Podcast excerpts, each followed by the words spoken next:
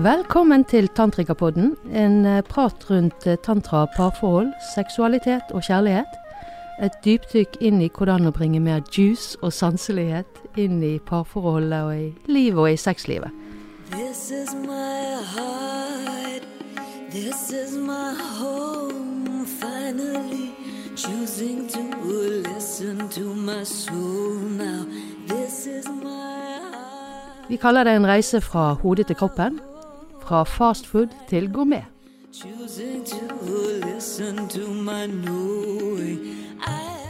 Velkommen til denne podkasten. Jeg er Monica Marie Josefine. Jeg har fått et nytt navn siden sist, Maria.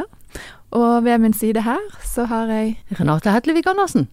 Og i dag skal vi snakke litt om mannen. Og det, grunnen til det er at vi har fått inn et veldig fint eh, spørsmål fra en av våre lyttere, som eh, lurer litt på dette når mannen viser sårbarhet, eh, eh, snakker om følelsene sine eller ting som er vanskelig.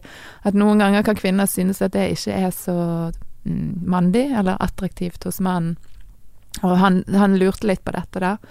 Så vi har, eh, vi har gått litt i tenkeboksen og tatt inn mannen litt og fundert på dette spørsmålet her. Og Renate, hva, hvilke tanker har du gjort deg om dette? Det første jeg har lyst til å si, er jo at det finnes ikke noe tantrisk ideal for hvordan å være mann. Det er ikke én måte å være mann på som man skal strekke seg etter. Det er jo absolutt det tantra dreier seg om, at det ikke er noe ideal vi skal strekke oss etter, men du skal være akkurat det du er. Og det finnes ingen mennesker som går gjennom et liv på denne jorden her uten å tryne an, oppleve smerte, være i sårbarhet. Sant? Og det å kunne være i den sårbarheten er faktisk en av de viktigste kvalitetene vi kanskje har, både som menn og kvinner. Fordi at det gir oss en mulighet for å åpne nye rom, og for å komme dypere sjøl, være mer ekte i forhold til hva som faktisk foregår. Eh, sånn at eh, det å være mann, og det å tørre å være i sin sårbarhet, eh, er egentlig bare en veldig vakker kvalitet. Men det er klart det at det ligger en del ting rundt dette med den sårbarheten. Altså det ene er det at det kan være krevende for en del menn å komme der. Kulturelt sett så har litt dette her med følelser og snakke om følelser ikke minst vært sånn kvinners domene. Eh, og da blir det ofte mye ord. Skal snakkes om baklengs og fremlengs og sånne ting. Som ikke nødvendigvis er mannens måte. Ikke mannen fordi at det finnes én måte å være mann på, men fordi at når man lever i en maskulin kropp, en mannekropp, eh, så har du f.eks. hormonet testosteron, som påvirker systemet, hjernen vår, persepsjon, handling, på en helt annen måte enn østrogen gjør. Sånn at opplevelsen vår av virkeligheten som kvinne og som mann er ulik. Og dermed òg hvordan vi opplever følelser, tilgangen på de, hvordan de kjennes i kroppen. Alle har følelser. Mange mener at menn ikke har så mye følelser eller sånne ting, men alle har jo de. Men de oppleves gjerne ulikt. Sånn at det ene er at det er en kulturell utfordring for menn gjerne å få tak i det. Mm. Både fordi at vi ikke har, de ikke har hatt det samme rommet for å snakke om det, og fordi at eh, mannerollen av å være helten og krigeren og forsørgeren og sånne ting, gjerne ikke har hatt rom for såkalt svakhet eller vise sårbarhet. Sant? Det har vært det å skulle være sånn sterk og nesten litt sånn maskinaktig hele tiden. Sant? Så det er et rom å ta tilbake igjen der. Um, og så fordi at dette følelsesdomenet har vært mye kvinner sitt, sånn at de løsningene som ligger der ute, ofte er mer feminint baserte. I parforhold så blir gjerne damer masete på hva føler du nå, og skal snakke om det i det vide breie, som jeg nevnte i sted. På måter som menn ikke nødvendigvis resonnerer med sånn øyeblikkelig. Sånn at eh, det å komme inn til den sårbarheten og få lov å gjøre det på sin måte, som mann, kan, kan være en utfordring. Men når man først kommer i den sårbarheten, hvis du virkelig autentisk er i det, det sårbare og i det ekte, så er det ingen som ville ha si, følt avstand eller mangel på tenning eller mangel på ønske om nærhet til deg av den grunn. Med mindre selvfølgelig at de har store ubalanser, eller ubalanser i seg sjøl som det treffer i, som gjør at de, denne kvinnen som man snakker om, har problemer med å være til stede i følelser sjøl. Da kan det jo selvfølgelig bli en trigger. Mm. Men hvis man er autentisk til stede og tør å virkelig eie det som foregår i en sjøl, så er ikke det noen grunn for at det skal skape avstand eller avvisning i et forhold. Og jeg tenker jo at det er nettopp viktig det at, at kvinnen også er litt åpen for å møte mannen når han først eh, deler litt om sårbarheten sin og følelsene sine. At hun møter han kanskje på en litt myk, litt vennlig måte og gir litt omsorg også tilbake igjen. Fordi altså vi kvinner, vi er jo ofte sånn at vi vi er vant til helt fra vi var liten å dele følelsene våre med venninner, med mødrene våre, med de rundt oss. Og, så vi har ofte mange vi kan snakke med også. Altså vi har et større nettverk som vi kan ta opp ting som er vanskelig. Vi kan bruke venninnene våre til det. Vi må ikke alltid bruke mannen vår. Men for, for partnerne våre så er det Altså for mannen er det ofte slik at det er ikke så kulturelt vanlig. Man er ikke så opplært til å dele med kompisene sine om ting som er vanskelig og utfordrende. Det er ikke alle menn som gjør det, og da er ofte kjæresten eller mor Altså det, ofte er de nærme kvinnene de de deler med når, når, ting blir vanskelig, og at det er faktisk ganske viktig for, for mannen da å ha en partner eller ha noen som kan møte han på det, fordi han er ikke så trent, eller han er ikke så så vant til å dele om følelser, eller dele om det som er, er, er vanskelig. Sånn at der, der, er vi kanskje en ganske viktig sparringpartner for, for mannen vår akkurat på det området. Og alle mennesker opplever jo vanskelige ting i livet, sånn som du sier. Vi, vi går gjennom utfordringer uansett om vi er mann eller kvinne. Og da um, Det å ha noen å kunne snakke med om disse tingene er ganske viktig, og istedenfor og da å bare holde inne med ting, eller ta det ut i aggresjon eller vold eller slike ting som menn av og til har, ofte har brukt det. Og, du, og, vi ser jo at statistikken for selvmord for Altså, det er stort sett menn som sitter i fengsel, det er stort sett menn som begår voldskriminalitet. Eh, så er det jo ha, Sier det jo noe også om at menn mm, eh, ofte ikke har lært en god måte å få eh, sirkulert eller snakket om disse vanskelige tingene på. Og det tror jeg er mer kulturelt enn bare at det har med testosteron og østrogen å gjøre. Der. Så, så jeg tror også at vi kvinner spiller en ganske viktig rolle der i forhold til eh, partnerne våre, i forhold til sønnene våre, og, og, og hjelpe de litt, og litt på glid, skape et åpent rom for de, der det er en åpenhet, og ikke eh, møte de med avvisning hvis de skulle vise sårbarhet. Og jeg jeg, jeg, jeg, jobber jo en god del med menn også gjennom tantramassasjen som jeg holder på med, og jeg opplever jo også at menn kan ofte åpne seg litt mer opp når, når de blir møtt med den mykheten og blir tatt imot. Altså de Mm, I tantra så jobber vi jo med å få denne seksuelle livsenergien til å stige i kroppen litt opp fra kjønnsorgan opp til hjertet. Og da kommer ofte menn litt mer i kontakt med noe av den mykheten sin, men også noe av den kanskje mer feminine energien som vi også har. Altså, menn har jo også en feminin kjerne, kan du si, da. Sånn at eh, For vi er ikke bare menn, eller vi er ikke bare maskulin energi eller bare feminin energi. Vi har, vi har begge deler i oss, da. Og da, og da jeg synes ofte det er veldig vakkert når menn på en måte blir litt mykere. Har, jeg opplever ofte at menn har et sånt skall rundt brystkassen sin, eller av en sånn av hardhet ofte. Altså noen menn kan være ganske harde i uttrykket sitt Da. Og når, når man da kommer bakenfor dette harde panseret der, rundt, mm, gjerne rundt brystkassen, så, så, er de ofte veldig gode og veldig myke. Og, jeg syns det er deilig når vi klarer å komme inn til den litt mer myke, eh, feminine kjernen i mannen også. Sånn at um, Og så tror jeg menn kulturelt sett har også vært redd for å bli femi, eller sånn at man, det blir nesten som en sånn skjellsord på en måte for mange menn, eller noe de frykter å være og sånn, fordi det er ikke så veldig akseptert der ute i kulturen. Men, men, men, du kan fortsatt være mann, men likevel ha, ha en mykhet i deg, da. Og, en, og, også det å vise sårbarhet. Det er også sånn som jeg opplever det veldig vakkert når mann kan gjøre det. da. Så kan det jo være det noen menn som sitter nå og lurer på hvorfor i all verden som man gidder å gjøre det. Ja.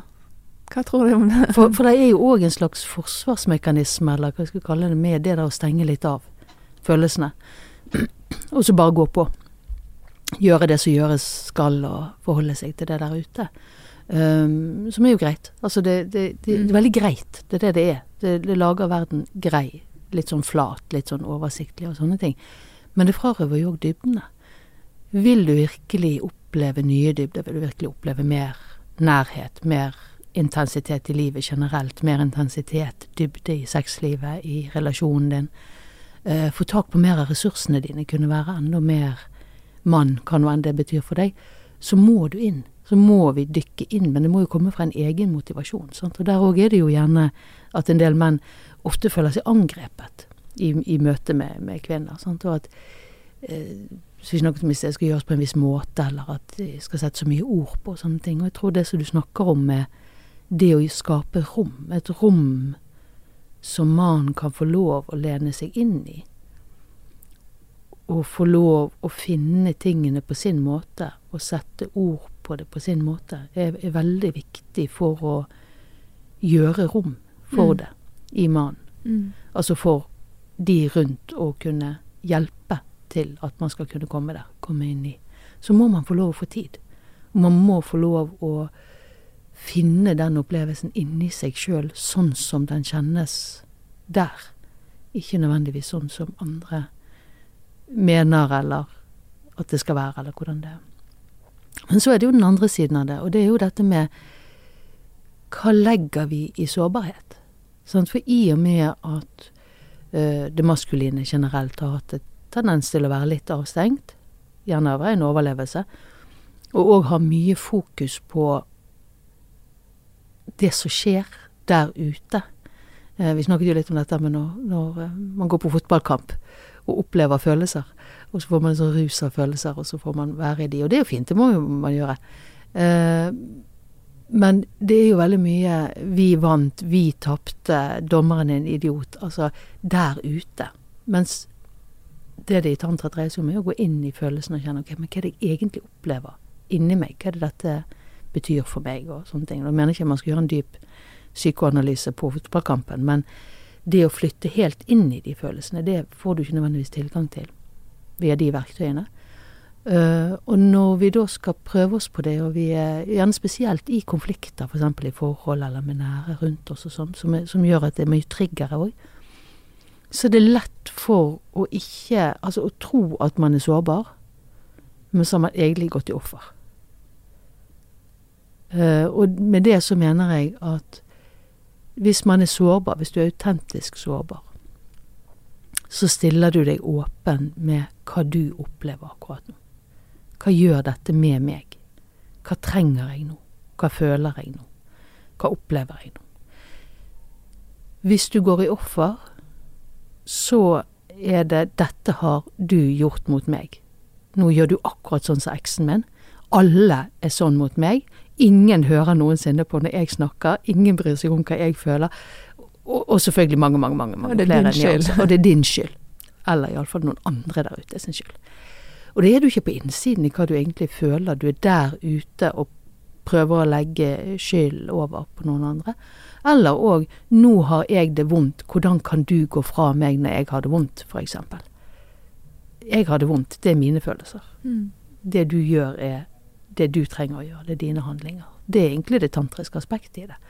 Og det er klart det at hvis man har havnet i offer, hvis du er der på 'hvordan kan du gjøre dette mot meg', så aktiverer man en hel haug med trigger. Det er veldig vanskelig, det krever mye iallfall, av hvem som helst, å klare å holde space, som vi kaller det. Altså skape det der nøytrale rommet for noen å få lov å være i sin sårbarhet i, eller i, i sine andre følelser i. Hvis det er fullt av trigger. Hvis det er fullt av beskyldninger og, og skyldfølelsesspill og sånne ting, så skal du være godt trent, altså, for å klare å holde Ikke bli trigget av det å holde spacen. Sant? Sånn at hvis noen da havner i offerrollen, og de kaller det sårbarhet, så kan jeg skjønne at de opplever at andre trekker seg unna eller blir bitchy eller sånne ting. Ikke fordi det er en veldig opphøyd måte å reagere på, men fordi det rett og slett er en reaksjon. Det er en trigger. Altså det er begge to i sine dramaer her, da. Mm. Uh, og nøkkelen til det, nøkkelen til å, å løse og komme til et mer autentisk nivå, den sårbarheten som vi snakket om i sted, den ekte, uh, den som faktisk kan gi grobunn for å, å vokse eller bli helere i neste trinn, er jo det å flytte inn i seg sjøl. Snakke i jeg-form. Snakke hva opplever jeg nå, ikke hva du gjorde og du aldri gjør eller alltid gjør eller alle gjør og du ligner på osv. Mm. For det er det ingen som kan bruke til noe nyttig. Nei. Og så kan man jo si da, der du gjorde sånn og sånn, da kjente jeg Altså, da ble det vanskelig for meg, der ble sånn Altså, man må trekke det tilbake til seg sjøl hele tiden og ja, snakke i jeg, jeg-form, og, og også om, om om én X har gjort noe, så betyr ikke det alltid at det samme vil skje med neste partner og neste partner og sånn. Fordi det, det handler igjen om å trekke det tilbake innover og se akkurat denne situasjonen er kanskje litt annerledes enn den andre situasjonen. Og hvis det nå skulle være sånn at du opplever at alle du har en relasjon til i livet ditt, eh, oppfører seg på samme måte overfor deg, Mm. gjør de samme overtrampene, så er det greit å ta et blikk på innsiden og se hvor er din rolle i det. Og vi er alltid i en dynamikk når vi skaper noe. Ja. Sånt. Så Men jeg er jo også litt opptatt av det språket vi bruker her, da, fordi nettopp det at menn kanskje ikke er så trent på å snakke om følelser eller vise sårbarhet, så, så, så trenger de litt tid på det, da, og det å liksom kunne lære seg å snakke om det på en god måte. Og jeg har jo, jeg har jo en sønn selv, da, så jeg vet jo litt om de, gjennom de samtalene vi har at, at vi må, jeg må ofte leite litt, må, jeg må ofte stille han litt spørsmål, for det er ikke alltid så lett for han heller å komme inn til kjernen, eller hva er det egentlig som gjør vondt. Og der, og der tenker jeg også vi som mødre har, har en litt sånn jobb å gjøre i forhold til sønnene våre, og også, ja, som jeg sa til partnerne våre, at vi må liksom la menn få utforske litt dette språket rundt følelser, for det har ikke, det har ikke de så lett tilgang til, eller er ikke så vant til det som, som vi kvinner har det. Du har jo jenter, så du har, har jo litt, kanskje litt annen erfaring med det.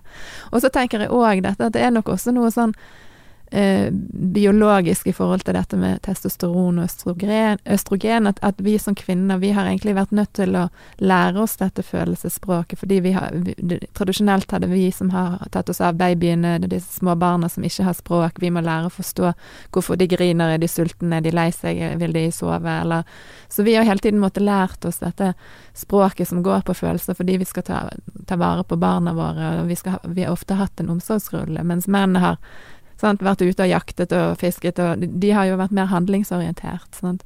Mens i vår, vårt samfunn så fungerer jo ikke den rollen så godt lenger, fordi mennene tar mer ansvar for barna, vi er også mye mer aktive ute i jobb og slike ting, da. Og mennene må også lære så mye tidligere å, å, være med små barn, altså med de minste barna også, sånn at menn har jo også absolutt et behov for å finne litt mer et språk for å kunne snakke om følelser også, da. Pluss at vi krever mer av relasjonene våre i dag. Mm. Altså vi krever at de skal være nærende på andre nivåer enn gjerne tidligere tider har gjort. Sant? Vi har snakket litt om det før, at tidligere tider var det mer overledes man trengte å være i både parrelasjoner og, og familiekonstellasjoner, gjerne storfamilier, for i det hele tatt å overleve. Ingenting av det trenger vi i dag, iallfall ikke i vår kultur. Uh, og dermed så krever vi mer av parforholdet vårt. Vi krever at det skal være Og vi trenger at det skal være et sted vi kan møtes, vokse, leke, utfolde oss, utfolde oss seksuelt. Eh, Det skal være en base å hvile inn i. Mm. Og det krever igjen et helt annet språk, Mm. og en helt annen måte å møtes på enn eh, det gjør hvis vi bare skal leke AS-familien og få ting til å fungere. Mm. Det krever at vi faktisk møtes på et helt annet, annet nivå, en helt annen plass. Og det krever av begge parter at man har respekt for den andre sin måte å oppleve verden på. Og den andre sin måte, sine behov for å komme inn til, til det nivået. Mm. Ofte så kan kvinner gjerne bli litt sånn tatt av følelser. Sant? Altså det blir veldig sterke følelser. Det er noe av det vi trenger ofte når vi er Mm. si litt ute av balanse. Er noe som kan holde oss mens vi si, får lov å tømme ut disse følelsene. Får lov å være de, får lov å, å gråte eller øh, sant? ta de gjennom. Mens menn trenger gjerne litt det samme rommet for å få nok stillhet til å få kontakt for så å kunne begynne å bevege på det som, som er der. Og så selvfølgelig eh, trenger menn eh, tidvis å gråte òg, men ofte så trenger de det ikke like mye. Og da trenger ikke vi å legge på de et behov de ikke har. Og så tenker jeg òg litt eh, dette med intimitet i et forhold. For eh, der også er vi ofte litt forskjellige. At, at menn har ofte mm, eh, tendens til å tenke at intimitet handler om det seksuelle. Altså sånn å få den fysiske intimiteten, eh, kropp mot kropp, og, og være nær. Men, men jeg tror kvinner ofte har vel så mye behov for denne litt mer følelsesmessige intimiteten, der vi faktisk At intimitet kan også være å dele noe av det innerste i oss, og at det er også en måte å komme nærmere hverandre på, når vi kan snakke om eh, disse tingene som berører oss, som, som, som vi kjenner inne inni, inni oss, som vi kanskje ikke deler med så mange andre. At for kvinner kan det være en viktig måte til å skape nærhet i forholdet, som kanskje ikke menn alltid tenker på. Men hvis han også kan romme hennes litt, altså se hennes litt behov for det, så vil det nok kanskje også gjøre at hun kan møte han mer på dette fysiske intimiteten som han har mer behov for. Der. Sånn at hvis vi begge kan ta inn at vi gjerne har en litt sånn forskjellig tilnærming og behov i forhold til intimitet, så kan vi også kanskje møtes lettere da, der, der den andre trenger det. Absolutt. Og, og, og på en måte utvide hverandres verdener. Sånn, for hvis, hvis, vi bare får viljen vår hele tiden, så går vi jo bare i våre faste spor. Altså Hvis jeg bare møtes sånn som jeg tenker at jeg vil bli møtt, så går jeg jo i min begrensede lille verden. Hvis jeg kan strekke meg litt ut og utforske hvordan det er å møte deg der du trenger å bli møtt, så får jo jeg en ny opplevelse. Sånn er det jo mye. sant, at vi kan, eh, Hvis vi bare får være i fred, altså bare går i fred med våre reaksjoner, så går vi ofte i en veldig smal verden. Og igjen, hvis vi da trekker det helt tilbake til tantraen, så dreier jo det seg om å ekspandere inn i mer av både hva verden er, og hva vi sjøl er. Og jeg tenker jo egentlig òg at dette som vi snakker om her, er en fin overgang til noe annet som vi tenkte vi skulle snakke om, eh, som gikk litt sånn på hjul. Mm. Fordi at nettopp det der med å møte hverandre i respekt, slutte å projisere egne følelser og behov over på hverandre, og heller bruke tiden litt på å bli kjent med hva trenger du for å komme inn til deg og dine følelser, og hvordan kan jeg hjelpe deg med det, og sette ord på hva trenger jeg for å bli møtt i mine behov og følelser. Uh, og at det kan være en, en, liten sånn fin inngang inn i uh, denne her eh, en annen form for jul, som vi snakket litt om. Ja, og vi hadde jo litt uh, dette temaet oppe om hvordan skape en litt mer tantrisk jul. Kanskje det er noen som lurer på det der ute der. Og um, da tenker jeg også Det er jo flere ting som, som, går, som vi er opptatt av i tantra nå. Noe av det er jo sanselighet. Altså denne årstiden er jo en perfekt tid til å virkelig dyppe dyp, dypt inn i sanseligheten, for det er så mye lukter, det er så mye lys. Det, det er jo ganske vakkert også. Man pynter jo det, det ser skjønnheten i alle disse lysene som er tent overalt. Altså denne kontrasten mellom dette veldig mørke tiden som vi går inn i, og alle lysene som er der. Det er jo også veldig vakkert å ta inn den skjønnheten. Og vi, vi møter jo ofte man, mange mennesker i denne nettopp denne tiden av året. Det er familieselskap, det er altså sånn, kanskje også relasjoner som er litt utfordrende, men det å mm, kanskje det, ja, fokusere mer på menneskemøtene, og ikke bare på dette materielle som vi har litt lett for å henge oss opp i, og gaver og alt som skal handles og gjøres og sånn, men, men kanskje nettopp bruke denne tiden til å ta seg litt tid til å møte hverandre, se hverandre inn i øynene, ha, ha litt uh, ta seg tid til å ha de litt dypere samtalene. Det er en perfekt tid av året til det, egentlig. Da.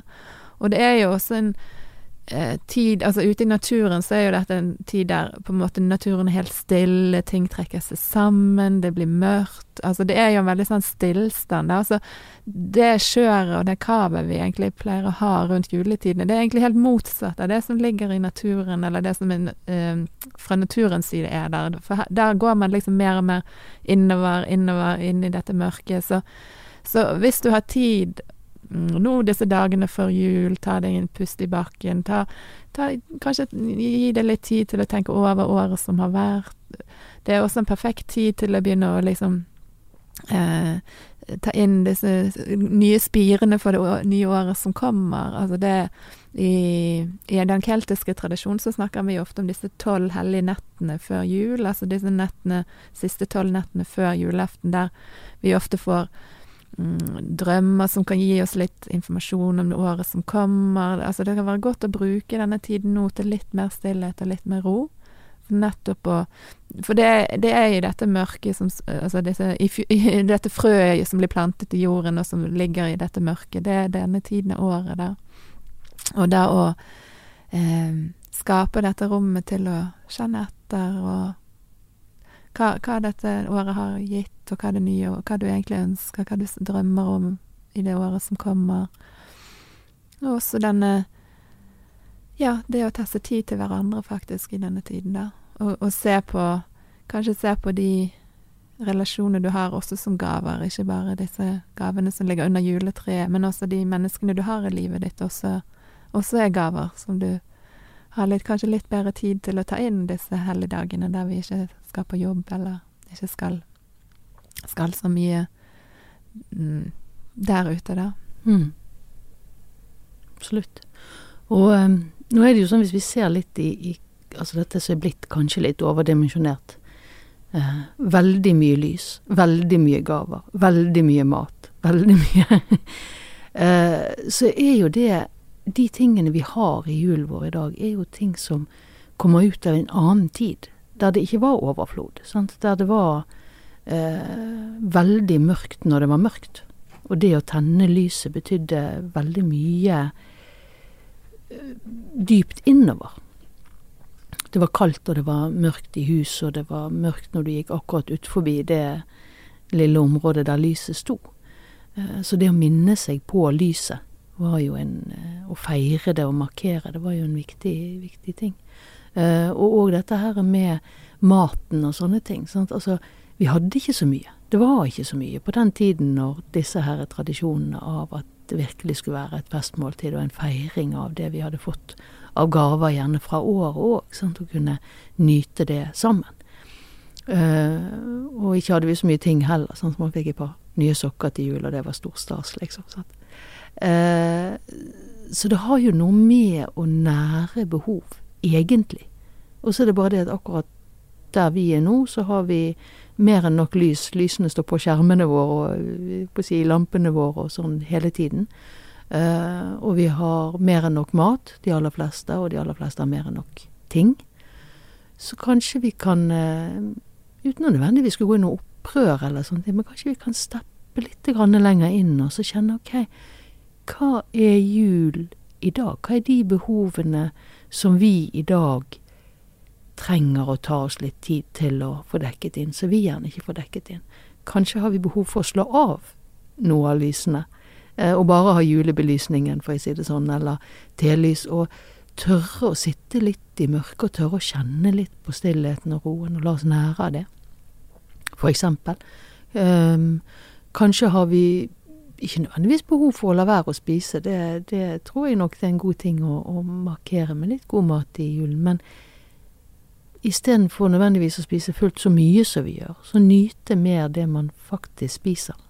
Kjenne om det kan nære deg på flest mulig nivåer, og skape møtepunkter rundt, rundt det vi Når vi deler måltid og sånne ting.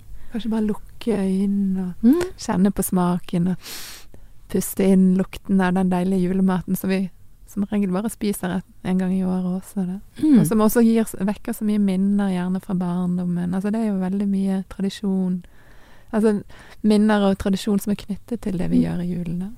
Og enten du da har en god barndom, altså at du har gode juleminner, juleønsker, kjenn inn i de. Hva er de for noe? Det er selvfølgelig alle barn så å si er superhappy på presanger og kanskje venter til de eh, voksne eller sånn får satt seg ned så man får åpnet de der presangene. Det er klart. Men, men samtidig når du tenker tilbake igjen, så er det kanskje litt andre ting du egentlig husker eller kjenner på med jul. Ja. Og la de være ledesnor til hva du ønsker å putte inn i din jul, og gjerne gi til dine nærmeste.